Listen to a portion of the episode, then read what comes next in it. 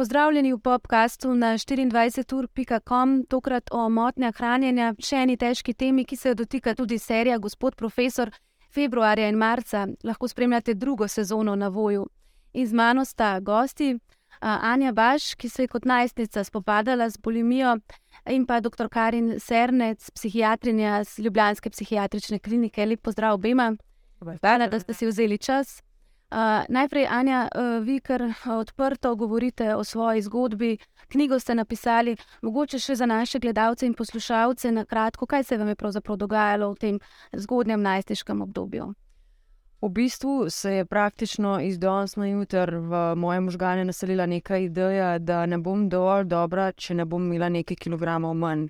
Tako na vides danes na jutr, ampak v meni pa tle že dolga leta občutki nevrednosti tega, da ne vem, kdaj bom jaz prišla na vrsto, moje občutki, da nisem nekomu pomembna, da sem zmeri nekje v zadju, niti se nisem upala pokazati, kdo sem, niti nisem vedela točno, kdo sem. Tako da v bistvu sem tukaj potem videla neko rešilno bilko v smislu, da je vsaj en aspekt mojega življenja lahko v mojih rokah. Tako da na ta način se je potem začel, ker mi je eh, nadzor hrane dal nek lažen občutek, da imam v svojih rokah svoje življenje kar je bilo pa zelo kratkega roka, zelo malo so šle stvari na dol, zelo malo je ratal neozdržno in za me in za mojo okolico.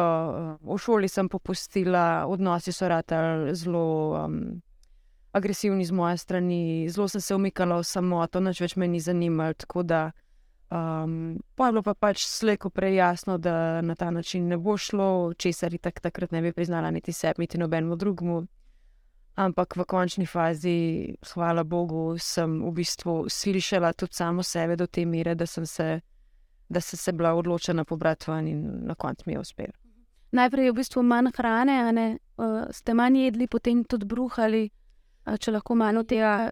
Ja, v bistvu začel se je s tem, da sem si nadzorovala vnos hrane, da pač načrtno sem jedla manj, ampak meni od njih je bilo zelo fajn jesti. Uh, sem, sem rada pač jedla, sem imela rada, ne vem, zelo, zelo velik stvari, široko. In se mi ni bilo v bistvu, uh, težko se mi je bilo upreti nečemu, kar sem imela rada. Tako da sem v bistvu po ta nadzor najdla na ta način, da sem pač hrano pojedla in jo kasneje šla izbruhati. Uh, ker se je pač po vsakem obroku pojavil nek občutek krivde, niti uspelo, ne znaš se kontrolirati, um, ne boš nikoli dosegla svojega cilja, ki je bil takrat, ne vem najprej 50 kg, poje 40 kg, in šlo bi še naprej, pa če bi si dopustila, če ne bi videla, zakaj želim ven iz tega. Ampak ja, um, pri meni nikoli ni šlo za tisto, oziroma imela sem izmenjajoče obdobja tega, kar pač sem si. Uh, sem se odločila, da zdaj pa ne bom več pač bruhala, zdaj se bom pa res držala te neke restrikcije, diete, telovadla in tako naprej. Pa je pa prišlo do tega, da pač sem popustila tej svoji lakoti, ne, logično um, se prenajedla, šla bruhati, če mu res sledi občutek krivde, pa potem spet, zdaj pa spet ne bom več bruhala, bom spet probala držati diete. In to je bilo pač ta začaran krok iz ene v drugo um, motnjo. Uh, doktor Srnec, vi delate z nekoliko starejšimi, uh, torej nad 17 let, ampak večina teh motenj hranjenja se pa pojavi zgodaj, tako da najvrst so vam take zgodbe zelo poznane. Ja, absolutno, jaz moram reči, da tako, tako ste super Anja povedali, da a, se mi zdi tako prav žeblica na glavico, vsi ti občutki krivde pa sramu. Ja, začne se seveda vedno veliko bolj zgodaj. Uh, s tem, da je anoreksija nervoza tiste, ki, tista, ki se začne najbolj zgodaj, nekako na prehodu iz otroštva v mladostništvo. Uh, zdaj, nas, ki sem jaz študirala, so nas učili, da je to tam pri uh, 14 letih, ne vemo, da se je ta meja tako zelo navzdol pomaknila, lahko se začne zdaj že pri sedmih, osmih, desetih, dvanajstih letih, zelo zgodaj. Skratka, uh, in če se začne tako zgodaj motna hranjenja, je to vedno anoreksija nervoza, večinoma restriktivna oblika. Uh, to pomeni, da se vzdržuje nizko telesno maso, se pravi indeks pod 17,5, uh, pri otrocih se bolj percentile gleda, s pomočjo restrikcije hrane, sprav odrekanje, odrekanje hrane in ali pretirana telesna aktivnost, uh, je pa v resnici te oblike motne hranjenja, te oblike anoreksije. Uh, manj teh je 25 odstotkov ljudi, 75 odstotkov ljudi ima pa purgativno obliko anoreksije nervoze, to pomeni ravno tako indeks pod 17,5, uh, ampak nekako um, vzdržujejo ta nizek, nizek indeks, s pomočjo lahko se tudi prenajedajo, pa pa bruhajo, zlorabljajo odvajala diuretike.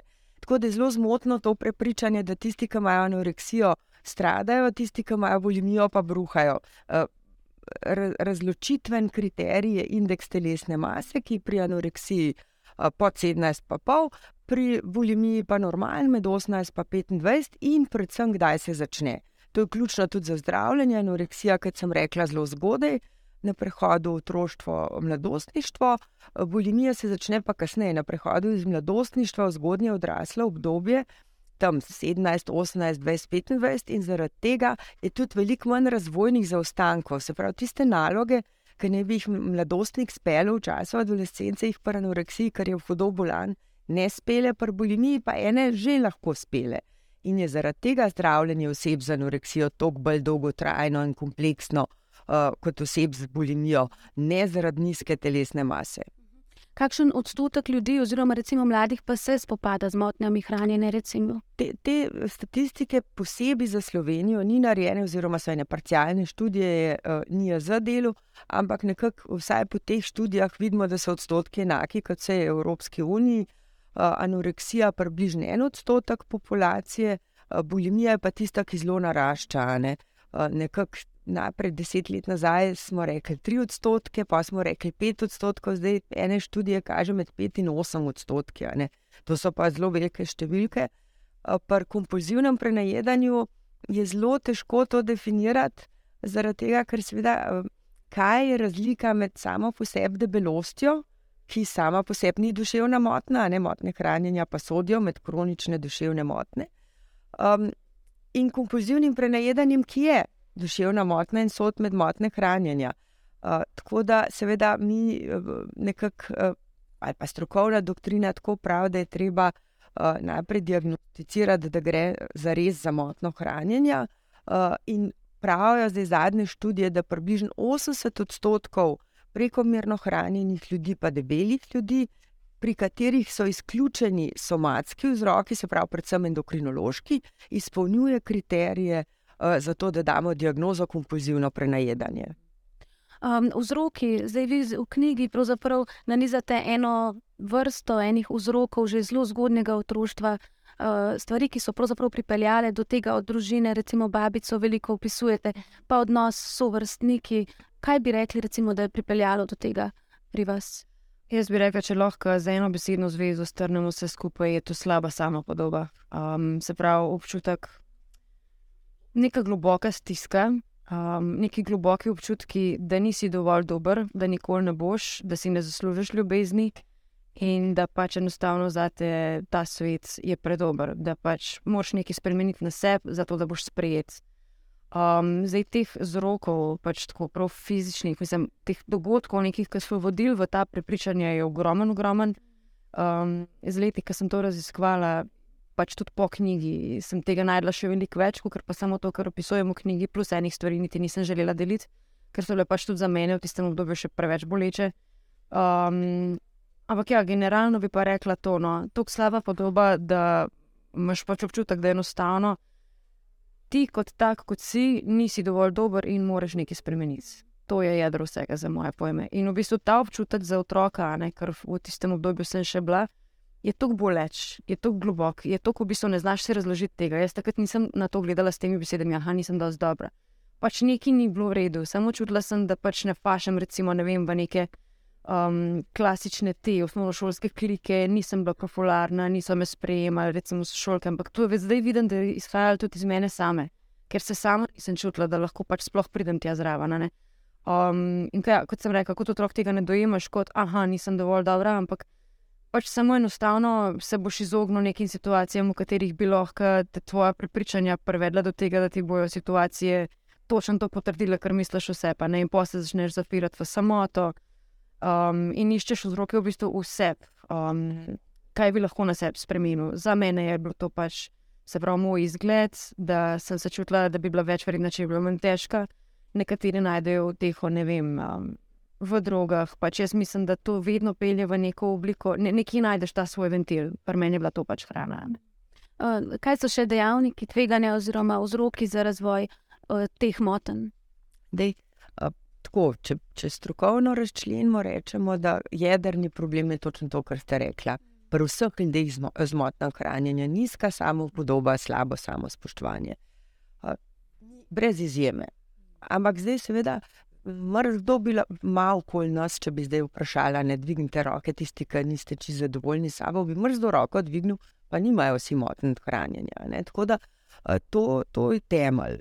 Potem pa ločimo vzroke, delimo na tri velike skupine. Prva skupina so tako imenovani biološko-genetski vzroki, sem pa še visoka porodna teža, na te pravzaprav nimamo kaj dosto vpliva, ne pač to deliš v zipko. Visoka porodna teža, pa visoka telesna masa tam do prvega leta starosti, pa značilne specifične osebnostne lastnosti ki so perfekcionizem, storilnost, pridnost, potreba po pohvalah od zunaj, zato ker si tako nezadovoljen sam s sabo, tako nisi dober, tako si slab, da hočeš biti pa tako zelo dober, pa storilnosten, pa perfekten, da bi vsaj dubo par pohvalil, pa ampak res in zelo kratek čas, malo boljš počutiš, pa pa spet enako slabo. Druga velika skupina so sociokulturni vzroki, a ne. Jaz mi rečem, če bi se oseba s točno temi osebnostnimi lastnostmi, ki bi se ji neke enake traumatične dogod zgodbe, dogodki dogodili, rodila recimo v podsaharski Afriki, z nizko samopodobo, slabim samospoštovanjem, zagotovo ne bi razvila motne hranjenja, ampak najverjetneje eno od rečemo, konverzivnih oblik moten ali pa anksiozno motno ali pa mogoče obsesivno, kompulzivno ali pa depresivno motno. Če bi se pa ta ista oseba s temi lastnostmi rodila v Evropski uniji, v Zahodnji Ameriki, pa bi se enak traumatični ali pa številni dogodki, male kapljice zgodili, je pa velika verjetnost, da bi razvila motno hranjenje. Ne? Tako da vedno je treba uh, sociološko, antropološki kontekst gledati. Um, in med te sociokulturne vzroke, seveda, štejemo spremenjeno, spremenjeno vlogo ženske in moškega, to pozabljamo v družini. Uh, pred pokšmo reči 80-100 plus leti, ženske, ne samo, da smo se uh, morali zaposliti, ampak smo si tega želeli, ne, če smo odkrite in cel družinski sistem se je zamajal, totalno. Kdo je zdaj v službi, kdo zdaj skrbi za otroke. Uh, idealni zid bi bil demokratičen družinski sistem. Zdaj, to se jaz mi rečem, vsak preseb lahko vpraša, koliko je njegova družina res enako vredna podelitvi nalog in del in vesela. Uh, tako da se je zelo ta družinski sistem mogel nekako loviti in to je en od pomembnih vzrokov. Uh, hkrati pa seveda ta totalna idealizacija vidkosti, če ne rečem že podhranjenosti, uh, na eni strani, ki pozabljamo, uh, da pa tudi pri moških idealizacija mišičavosti, to pa kar mal pozabljamo. Po drugi strani pa seveda stigmatizacija, ma ne debelosti, že sam malce, par kilc več, da imaš, pa že tako imaš nalepke, nezavedno ti ljudje imajo, ta je pa len, ta pa ne zna poskrbeti za sebe, ja, kašen kako pa v službi uspešen, če je takle. Ne. Tretja velika skupina so pa družinski vzroki, ne, od um, navezanosti dvojnih sporočil, to je katastrofa, ne rečejo starši, nisem hud, vedejo se pa, da so hudi. In posledica tega je, da se otrok odnauči prepoznati svoje občutke, ker čim mlajši in manjši otrok tam bolj verjame besedam staršev, ne svojim občutkom. On čuti, da sta jezna, ampak reče mu pa, da nista. Ne? In posledično seveda se odnauči prepoznati svoje občutke. In temu strokovno rečemo aleksitimija, in to je značilno za osebe z motnjo hranjenja. Ker recimo vprašaš, kako se pa počutiš, pa bojo rekli, da uh, sem to počel, to sem se učil, sem bil v službi. Ampak enega pravzaprav pravega občutka ni noto, ne še enega, ker presep ne prepoznajo, pa drugih zaradi tega. In je to kar tudi dolg tak ponad terapevtski proces.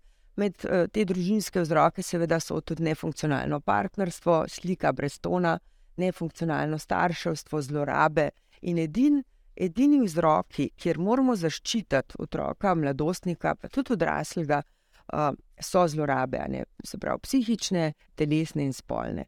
Pri vseh ostalih vzrokih, tem je treba povdariti, da gre za seštevanje vzrokov iz prve, druge in tretje skupine, tako kot ste super rekli, velikih je. Na ene lahko vplivamo, oziroma jih predelujemo za nazaj, na ene pa ne moramo. Ne.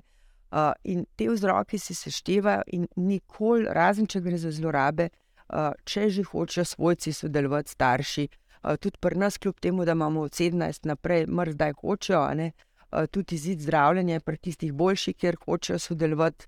Um, ne pri zdravljenju otroka, ampak dejansko uh, v lastni terapiji. Mi imamo skupino za svojce in tam vse govorijo starši ali pa skrbniki, bratje, sestre. Uh, in, in seveda uh, je zelo pomemben, da sodelujejo, ni nujno. Uh, in te družinski vzroki, da mi začnemo na starša pa s prstom kazati prvi občutek, če smem to besedo, ker sicer nočemo uporabljati, uporabljati prvi občutek dveh pač staršev, normalnih skrbnikov, ki se njim otroku nekaj zgodi, občutek krivde. In če mi ta občutek uječujemo, terapeuti nam nič s tem naredili. In to so te tri velike skupine, ki se seštevajo. Mogoče, če gremo korak naprej, k začetku, ne, ko se začne ta motnja, mogoče na začetku je vendarle več koristi kot škode prinaša. Najverjetneje si si všeč, kot so kilogram, gre dol, dobra, samo, boljša se samo podoba, zadovoljen si sam s sabo. Ne vem, kako uh, gledate na to. Točno tako, kot si opisala v bistvu od začetka. Tisti prvi meseci, če se ne motim, se reče temu še medeni tedni. Ja, ja, kaj je v bistvu občutek, da oh, wow, končno mi nekaj ratuje v življenju uh, končno dobivam neko potrditev, wow, sošolci so me opazili, sošolke mi ne vem, kje je rekla.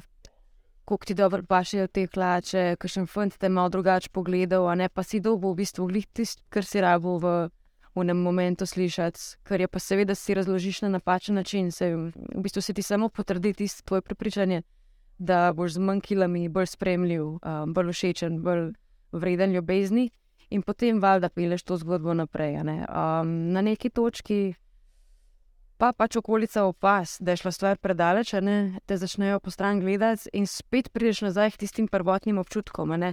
nisi dovolj dober.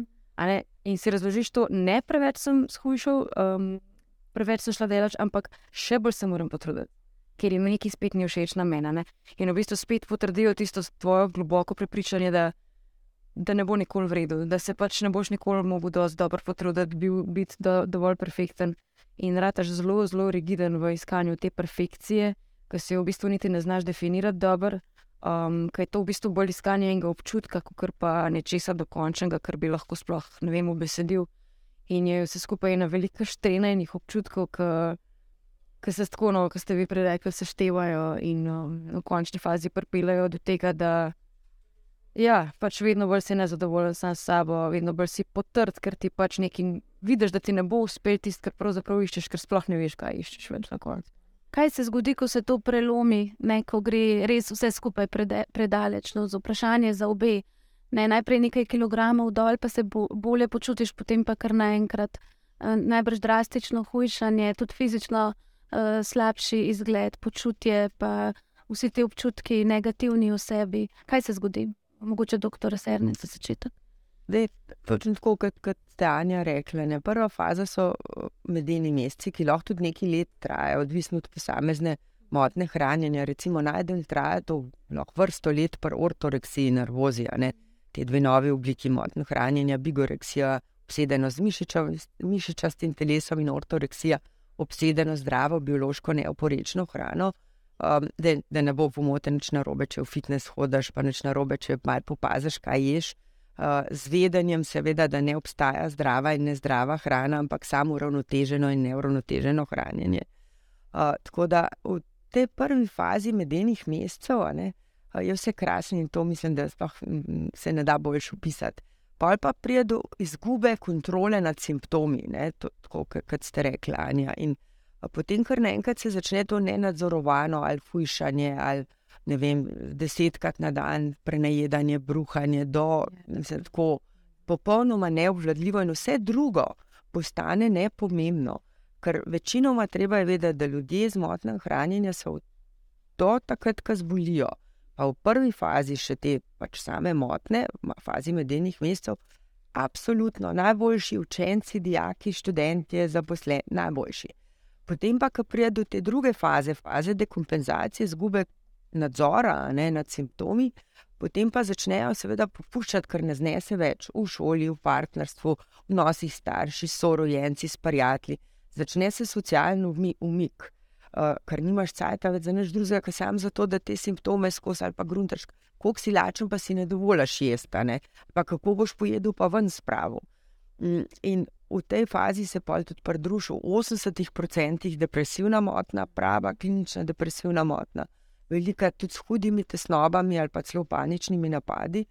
Uh, in seveda s telesnimi posledicami, ki so odvisne od posamezne motnje hranjenja, zdaj pa anoreksija, to tako huda podhranjenost, da seveda um, lahko pride tudi do smrti. Uh, smrt je večinoma povzročena uh, zaradi um, hipokalemije, to je pomankanje enega elektrolita, ki je ključen za to, da nam uh, srce ritmično bije. In če uh, kalija premalo, pa pride do fibrilacije, se pravi trepetanja, um, prekatov srčnih in do nenadne srčne smrti. Zdaj, večinoma ljudi pa zmeraj sprašuje, koliko pa je v resnici smrtnost, ne pa anoreksija, ker anoreksija je problematična, pa ortoreksija, ki se konča z enako sliko kot anoreksija. Ne vemo. In tisti članki, ki pišejo o, o nekih odstotkih, je to, mislim, ne drži, zaradi tega, ker po celem svetu je tako, da se ne napiše uh, posrednega vzroka smrti, se pravi zdravnik, ki potrdi smrt pri nekom, ne napiše posrednega vzroka, ki torej anoreksija. Tako, točno to, ampak ne piše zastoj bitja srca. In zato so te podatki, ki se pišejo v njih od en odstotek do eni, celo 20 odstotkov, pa anoreksiji, ne vemo. Um, Pri nas v Sloveniji um, lahko rečem, da v zadnjih desetih letih uh, večina ljudi, ki ima motne hranjenja pač in se želi zdraviti, pride k nam, ker smo edini oddelkane uh, za zdravljenje motnih hranjenja za 17 in starejše uh, je, so bile tri smrti. Uh, in tudi mi je za nekaj, ki je to potrdil. Uh, jaz moram reči, da vse, vse smrti so bile tako, da je šlo za hudo, kronično, uh, ne deset, ampak celo deset plus desetletja, lahko tudi uh, trajajočo anoreksijo oziroma ortoreksijo, uh, in enostavno v enem trenutku telo ne zmore več. Ja. A, mogoče, Anja, vi ste se tudi potem uh, nekaj alkohola, je bilo mm. samo poškodovanje, prav tudi druge težave pridejo zraven. Jaz bi rekla, da je pač cel komplet je prišel na neki točki. Um, ja, pač tudi the grey zone of sexual consent, pač, ko američani zelo radi o njem govorijo zadnje cajte. Um, sem recimo veliko govorila z puncami, ki so imele motne hranjenja in bi rekla, da je to tudi ena od oblik tega nizkega samospoštovanja, spuščanja v neke spolne odnose, recimo, ne, um, brez da bi bile na to zares pripravljene. Tega je tudi ogromen. Plus alkohol, plus zloraba prepovedanih substanc. Um, pa točno to, kar ste recimo rekli, tudi um, zguba kontrole nad celotnim dogajanjem, tudi po 20krat na dan, prenajedanje, bruhanje, razmišljanje samo o tem. Um, Najhuje je v bistvu ta občutek, ki te tako posrka noter, da je enostavno, tako kot ste rekli, ne, ni več prostora za naš drugega.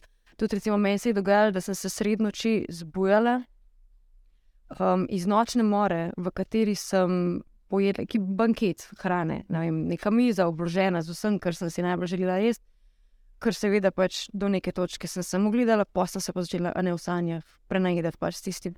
In ni bilo nikjer, recimo, prostora, kamor bi šla lahko se zdaj tega osvoboditi, ni bilo več tega.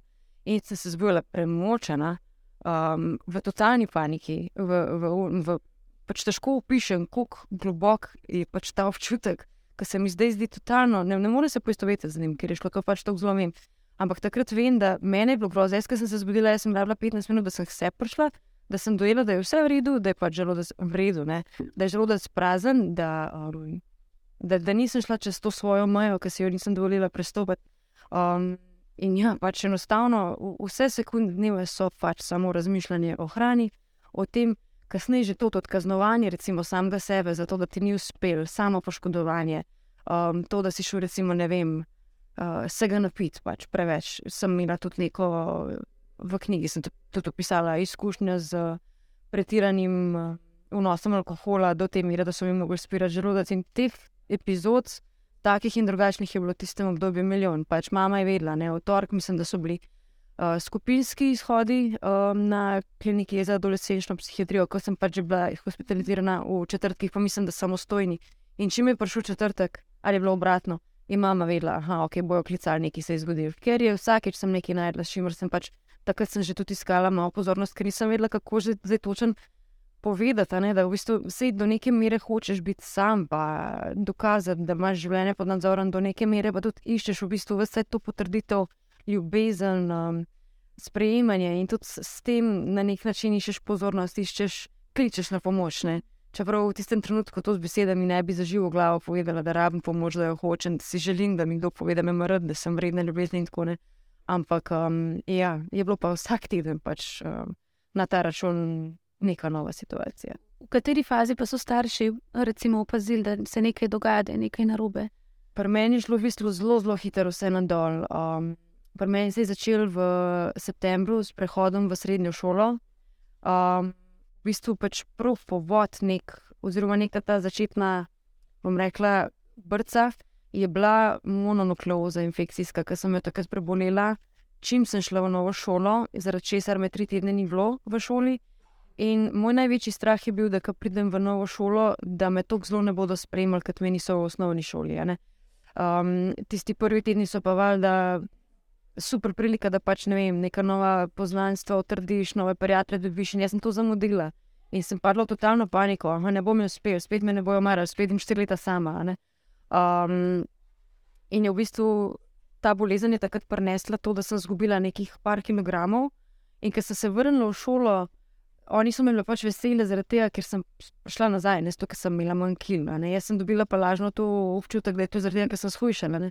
Um, In po je v bistvu um, do, mislim, da junija so šle stvari že tako nadol, da sta starša točno vedela, ker nisem bila več niti družabna, belskala sem po domač povedan. Uh, nisem si vstila čisto popolnoma nič vprašati, na dotik sem reagirala s tem, da sem se omaknila. Uh, zelo hitro so šle stvari, tudi kar se tiče učenega uspeha na dol. Videla sta, da ne vem, ne, nisem se več udeleževala skupnih kosil, skupnih večerij, zmer sem najdela razlog, da sem šla stran videla sta, da pač hrana zmanjkuje iz sledilnika, tako cel kupenih znakov je bilo. No. Um, v končni fazi pa največ je bilo pa to, da dobesedno za vsako stvar, ki me je posebej mami vprašala, sem najdla hitren razlog, da sem jo stran od sebe odrinila, da sem jo nadrla, da sem bila pač nisem se obnašala tako, kot se obnaša nek normalen najstnik. Doktor Srnec, eh, starši so najbrž v hudih stiskah, večinoma. Ja, tako kot sem že prej rekla, starši smo v groznih stiskah in mladostniki, ki smo, smo v groznih stiskah. Zdaj, en del, seveda, mladostništva je tudi to, kar rečemo, da detronificiraš starša.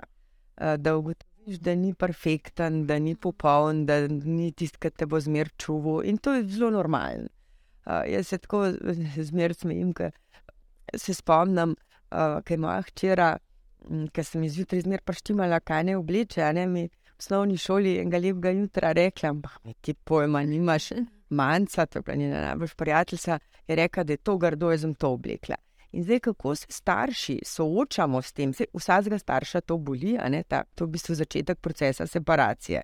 Uh, boli, zdaj, če se gre starš v to, seveda, sam z dobrimi nameni ali pa iz strahu, da bo izgubil otroka, pa začnejo pa da je nekaj, pa manjca ne ve, bom pa ja vedela, pa se sem do zdaj za te skrbela. Pa tako naredimo več škode, kot koristi. Če pa rečemo, da je prav, ti že veš, ne? Um, pa ne silimo, bo pa otrok lahko spel v separacijo in se pol vrnil v obliki navezanosti. In to je nekaj, kar smo se prej za njo že pogovarjali, in se mi zdi tako fajn, da je to Anja rekla, kako, kako, kako je pomembna navezanost.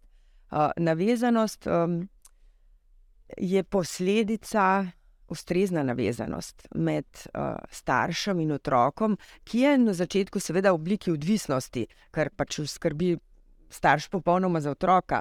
Ampak, uh, koliko zna prisluhniti njegovim potrebam, koliko jih zna na prav način umejiti, koliko jih zna tudi kdaj popustiti, pa kdaj biti tudi hud. Um, in če tega nekako ne speljejo dobri starši, pa samo z najboljšimi nameni, se sem prej rekla, mislim, o krivdi staršev govorimo samo če gre za kakršno koli zlorabo.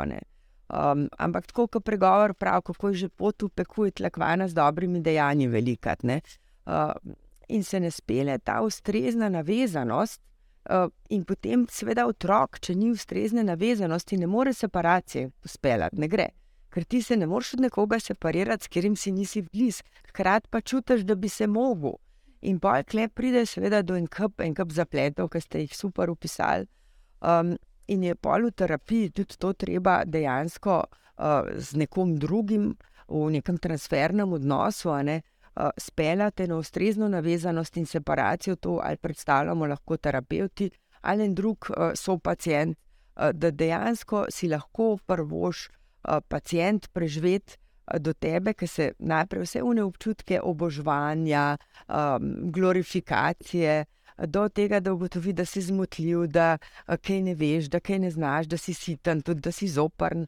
In potem, seveda, lažje spele to, da te najprej mrzi, čist, uh, pa te noč več ne posluša, potem pa počasi, ker je varno okolje, ugotovi, da si tudi ti sam človek. In potem se lahko vrne odrasel, mlad, človek staršem v obliki ustrezne navezanosti, kar pomeni, da bo se v vsaki stvari lahko sam odločil na podlagi lastnih izkušenj, razmislekov, ampak ne bo imel pa tudi nič problema reči: Mami, kaj pa ti misliš? Ampak vseeno se bo pa na podlagi seštevka vsega skupaj odločil, kaj bo on v svojem življenju naredil. Tako da starši smo, seveda, um, je mrzaj težko, ampak jaz vseeno mislim, da uh, večinoma, večinoma uh, kar dobro speljejo starši. Je pa tako, da če bi lahko hkrati za en dan zamenjali vloge, uh, bi najbrž se veliko lažje mrske zgodili, pa manj, veliko manj boleče bi bilo.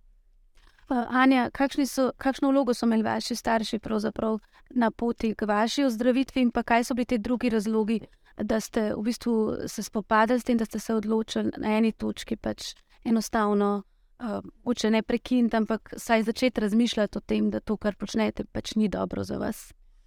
Um, tako kot je, kot ste rekli, v bistvu starši imajo vedno dobre namene, želijo na nek način vplivati ne, na to, da si ti kot otrok premislil, da, da bi uvidel, da to, kar počneš, ni dobro za te, ampak v enem momentu si tako gluh, pa slep za vse, razen za svoje prepričanja o teh stvareh, ki misliš, da najbolj veš. Um, tako da jaz svojih staršev takrat v enem momentu nisem glih ujemala kot nek vir enih relevantnih informacij. Sem bila sto procentna, da pač nimata pojma. Um, Itak mama se je zelo trudila, oče se je malenkost bolj odmaknil, ker je bil to pač njegov način spopadanja z vsem skupaj, ker se ni znal drugače pač spopasti. Um, vem, da mu je bilo zelo mar tega žal ni znal pokazati, tako da bi jaz to takrat razumela. Um, posledično se je pač manj upletel v samo zdravljenje, mama se je zelo, zelo angažirala, pač meni je šlo to blazno na živce. Um, Dobesedno me je izvlekla takrat k psihiatrini pod pretvezo, da greva nekam drugam. Um, oziroma, mislim, da sem jaz še sama prišla do tega, ni, ni bila pretveza z njene strani, ampak sem jaz sama si osmislila naj obisk um, bolnice, takrat, da greva na nek pregled ščitnice, ona je bila pa modro tiho. Ne? Tako da, ko smo prišli tja in ko sem dojela, koliko je ura, je bilo seveda ogen v strehi, pa hvala Bogu, da so bili ljudje okrog, drugače bi naredila sceno, verjeten. Uh, mi ni bilo težko to takrat, um, ker sem jih tako njo imela za krivo za vse, kar se mi je dogajalo. Ne? Pač na nek način um, je bila pač dežurni krivc vsega. Pač tudi ona je to zelo sprejemala. V bistvu takrat svojim psihiatrijam je bila zelo šokirana nad tem, ker je vprašala, kaj si vi želite za svojo hčer in je rekla to, kar bi ona rada. Ne? Ona ni nikoli bila starš, ki bi mene vkarkoli sila. Um, je pa imela pač neke, bom, ne bom rekla, glih pomankljivosti, ampak tako, kot jih imamo vsi starši, tudi jaz prepričana, da ne delamo vsega prav s svojimi otroki. Ampak vedno delaš v skladu s tem, kar se ti trenutno dogaja, in enih stvari pač ne moreš drugače, nisi jih sposoben drugače v momentu speljati. To šele zdaj razumem, ker tudi sama vidim, da sem samo človek, da imam neke svoje kapacitete, ker čez njih pač žal ne morem. Um, ampak pomembno se mi pa zdi, da v momentu, ko nekaj zafrkneš kot starš, da se pogovoriš z otrokom, da poveš, da mislim, pač seveda otrok te na eni točki ne bo še razumel, ampak jaz vseeno povem, recimo, sinu, ki je zdaj tri leta star.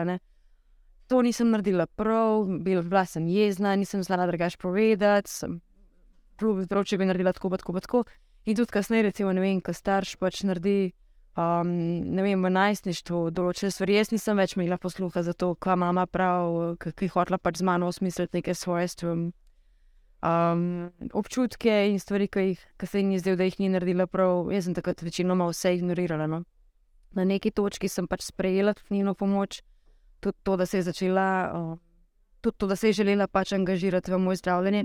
Ampak največji preskok se je zgodil po moji glavi. Um, jaz sem pač pela zelo že zgodaj, sem vedela, da želim to početi, uh, ker je bil to takrat moj ventil izražanja. Ne? In sem v bistvu skozi petje na nek nedestruktiven način najdla neko kontrolo. Ne? Um, In posledično, ker sem izgubila veliko teže na neki točki, tudi petje ni bilo več nekaj, kar bi bila sposobna početi, in meni je to zelo na realno tla postavilo, bolj kot karkoli drugega, bolj kot kakršna koli psihoterapija v momentu. Če bi recimo, ne vem, začela psihoterapevtki hoditi, potem, ko nisem več mogla pet, bi vse skupaj bilo zelo bolj plodovito, ker bi bila pripravljena tudi te stvari slišati. Dokler se mi pa ni zgodilo to, da nisem mogla več pet, pa meni ni zanimalo, da si jaz s tem početjem škodujem, ne. In ko sem pač to izgubila, ki mi je bila edina stvar, ki sem jo imela kot vredno, da sem zaradi tega nekaj vredna, ker znam pet, ker tukaj sem se res, sem se res poistovetila, tukaj sem vedela, da sem, da sem v nečem dobra. Ne? In ker tega nisem več zmogla početi, je bil to meni um, rdeči alarm, ne? da zdaj pa pač res čas, da nekaj spremenim. In poje v bistvu tudi vse, kar je bilo rečeno strani mame, ne, strani psihoterapeutka, takrat sem drugač dojemala, ker sem videla, da dejansko imajo point. Um, kjer se je pač kazalo na mojem telesu. Um, in na, na izgubi uh, glasu in sposobnosti, da pač sploh pojem, če stati nisem, in bom dobil dobro, kako bi lahko še lepele. Um, tako da ja, jaz sem si mogla v bistvu sama osmisliti vse skupaj skozi to. Če boš pač še naprej hujšala, ne boš zmogla niti pet, tako da bi bilo fajn, da nehaš. Ne? Tukaj sem jaz poenajala ta svoj rešilno bilko. No. Kako pa običajno uh, zgleda zdravljenje, tudi pri vas na psihiatrični kliniki. Jaz se tam tu lahko sam nek, ja. nekaj rečem, da se ni tako, to, ko res se ne če sploh še kar dodam, ker je to v bistvu, ne, točno to brez. Tako bom začela. Mi ločimo med reševanjem življenja in zdravljenjem. In reševanje življenja pomeni, da je nekdo zaradi nizke, pač zaradi totalne podhranjenosti ogrožen, tako kot smo prej rekli. Uh, in reševanje življenja, življenja pomeni uh, ukrepanje strani internistov ali pa urgentnih zdravnikov, uh, kar pomeni ali uh, infuzijo elektrolitov ali ohranjanje z nazogasko, z nazogastrično sondo. Po enem do treh dneh je življenje rešeno. In zato ti ne rabiš biti absolutno nač motiviran, se pa tudi nač ne pozdrav, razen da se ti življenje reši. Um, za zdravljenje ali pa za ozdravitev, tako bom rekla, uh, pa ne gre ni možno, če, če človek tega ne želi. Uh, ni. Lahko, ne vem, Einstein pride, Freud pride, kdorkoli.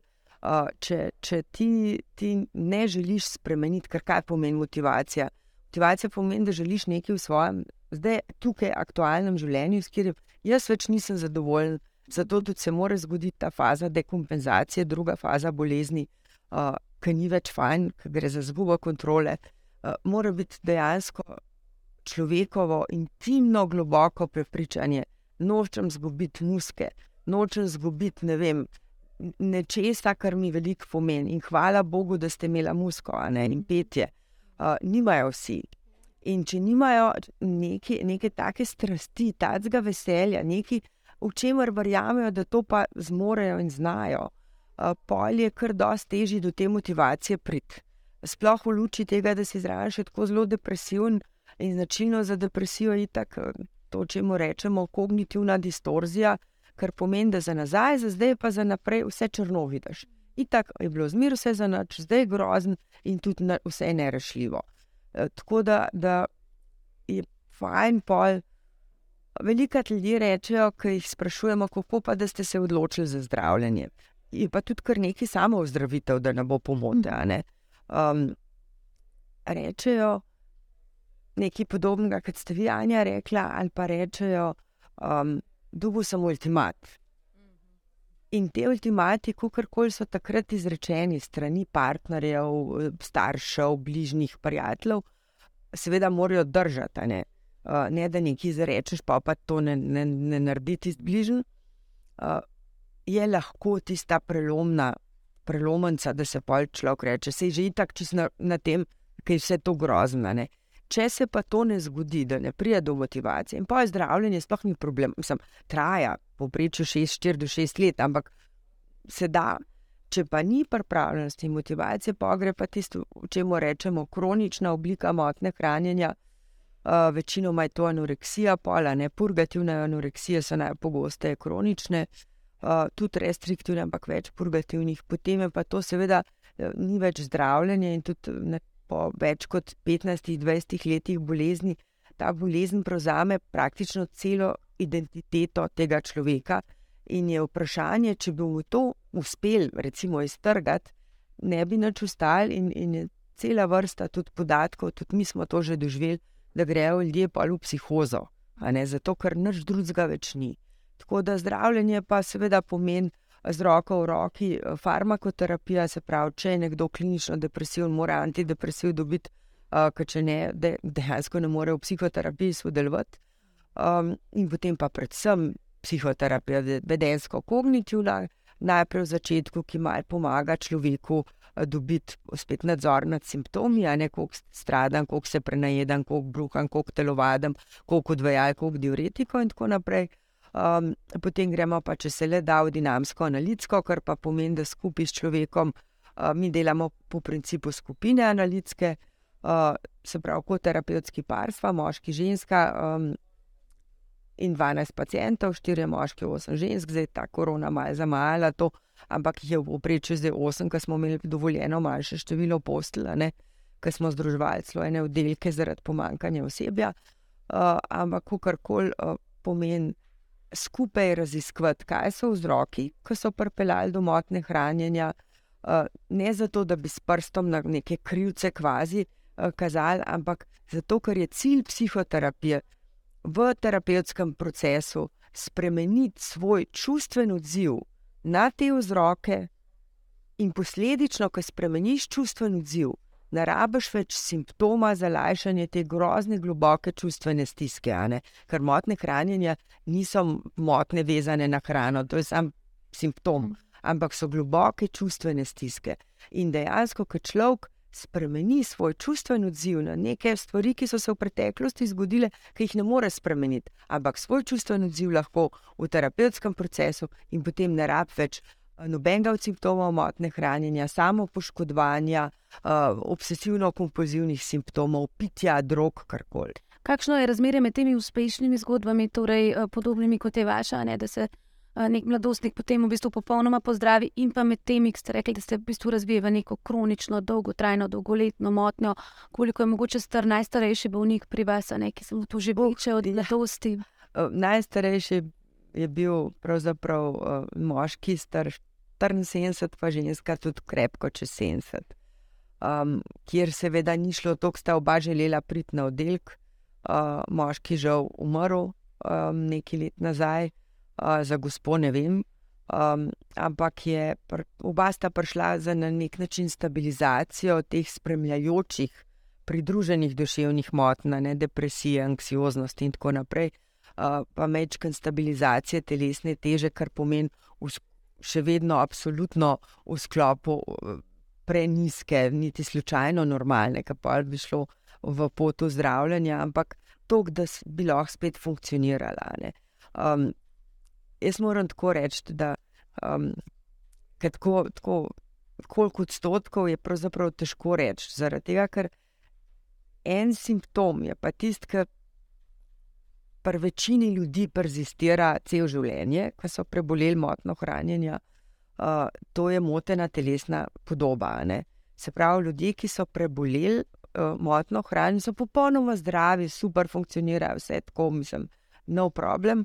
Se še vedno vidijo za par kil bolj polne, kot so dejansko. Uh, ampak imajo absolutno kontrolo nad tem, oni vedo, racionalno, realno in s tem zmorejo tudi to čustveno uh, prepoznati, da je to ostanek njihove bolezni. Uh, in da to ni nekaj, kar pomeni, da sem še zmeraj bolan, ampak je nekaj, kar pač s čemer moram živeti. Tako kot enega, pač velika glava boli, pa ve, da ga zato vem, kaj se je skregal s partnerjem. Ok, aha, mi je signal, ni pa nobena polna varnost. Uh, ozdravitev načeloma je tako, Uh, tudi to je težko definirati, ne samo pri nas, kjerkoli, ne zaradi tega rez, uh, rezidualnega simptoma, ampak zato, ker ljudje, ki končajo zdravljenje, pri nas v povprečju pa še hodijo dve do tri leta v ekstra hospitalno skupino, recimo tretjina, polovica njih, ali še nekam naprej v ambulantno vodenje, tam, kjer so bili prednji, so k nam prišli. Um, in izkaže se, mi delamo evalvacijo zdravljenja, sprejem odpust 3, 6, pa 12 mesecev po odpustu. Ampak in te številke naše so zelo dobre. Ampak v resnici bi mogli pet let po odpustu delati, pet let po odpustu pa večina ljudi noče, sploh več imeti stika, ker hvala Bogu rečejo. Jaz sem zmer srečen, če kažem pacijent, ki že dolg meni se hodi ambulantno, pač pa zdaj še fočkat, kad jaz, jaz rečem, kliče pa, ali pa reče, čez tri dni pokliče, jo jaz sem pozabil. To je znak zdravja. Ne? In ljudje, ki jim gre fajn in so v redu, na nek način pa slejka prej se želijo tudi.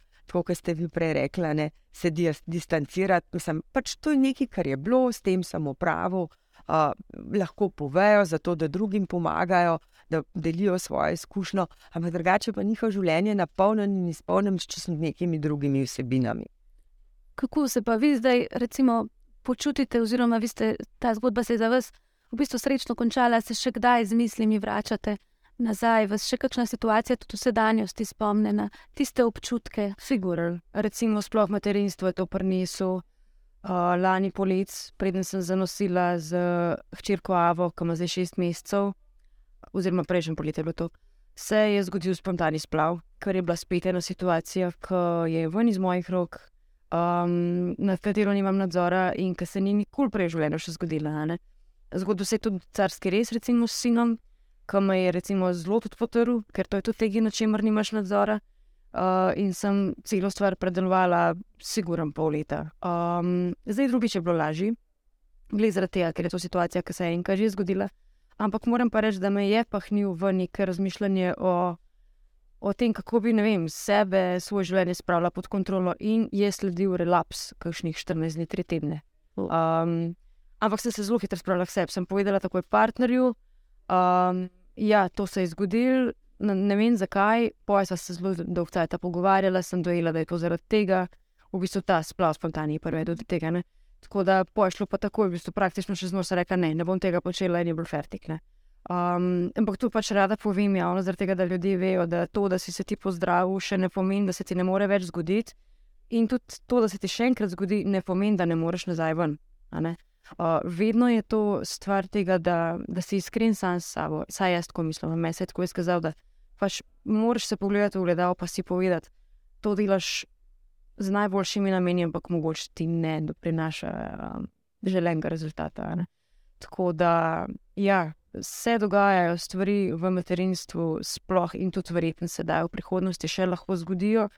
Ki bojo privedli do tega, da, spet, da, da več ne boš sposoben gledati na sebe v pozitivni luči, ampak zmeri se da, zmeri se da nekaj narediti samo ne pač tega pokopati vase, ne si misli, da ti je spodletel, pač človek si delaš napake, iz njih se učiš, lahko greš ven. Mogoče za konec, eh, kaj bi rekli nekomu, mladostniku, najstniku, ki se trenutno spopada z neko motnjo hranjenja, pa mogoče se začenja, eh, kaj bi mu rekli, recimo, danes s svojimi izkušnjami? To je zelo težko strniti v, v en zelo kratek nagovor, ampak ker je to tako kompleksna stvar. Ne? Ampak govor o svojih težavah, zavedaj se, da imajo ljudje okrog tebe točno take ali pa še hujše težave kot ti, ampak vsi tako vedno kažemo najboljšo plat sebe, ker tako smo narejeni. Um, in tudi doskrat je tako, da ne. Ko prideš nekam v nov prostor, recimo, si sto procentno prepričan, da vsi gledajo tebe, pa se ukvarjajo s tabo, ampak realno se pa vsi ukvarjamo sami s sabo. Ne? Vsi imamo težave, vsi se jih trudimo rešiti. Um, in kar je meni, rešilo življenje, da besedno, je to, da sem naredila nekaj, kar je bilo večje od mene oziroma mojih problemov, kar je bila glasba. Tako da to bi bilo nekako na kratko tisto, kar bi svetovala mladim. Poskusi najti nekaj, kar te bo okupiralo bolj, kot te okupira tista tvoja trenutna potreba po izražanju oziroma preseganju te neke hude stiske. Um, lahko je to, ne vem, nekaj tako enostavnega, kot je to, da si najdeš domačo žival. Um, poznam primere uspešno zdravljenih motnj hranjenja, ki je bil povod glih to, da je vem, recimo punca dobila domača žival, ki si jo zelo želela, da se je ukvarjala z njo. Poj pa seveda sledilo delo na sebi, pa tudi obisk seveda um, strokovno usposobljenih oseb, delavcev in tako naprej. Ampak neki pa rabaš med, kar te bo usrečeval, kar ti bo dajal um, občutek, da pač zmoreš. No. Kaj bi vi rekli, A, pa še da zdaj za starše mogoče? Ja, to, ja, da mi berete misli.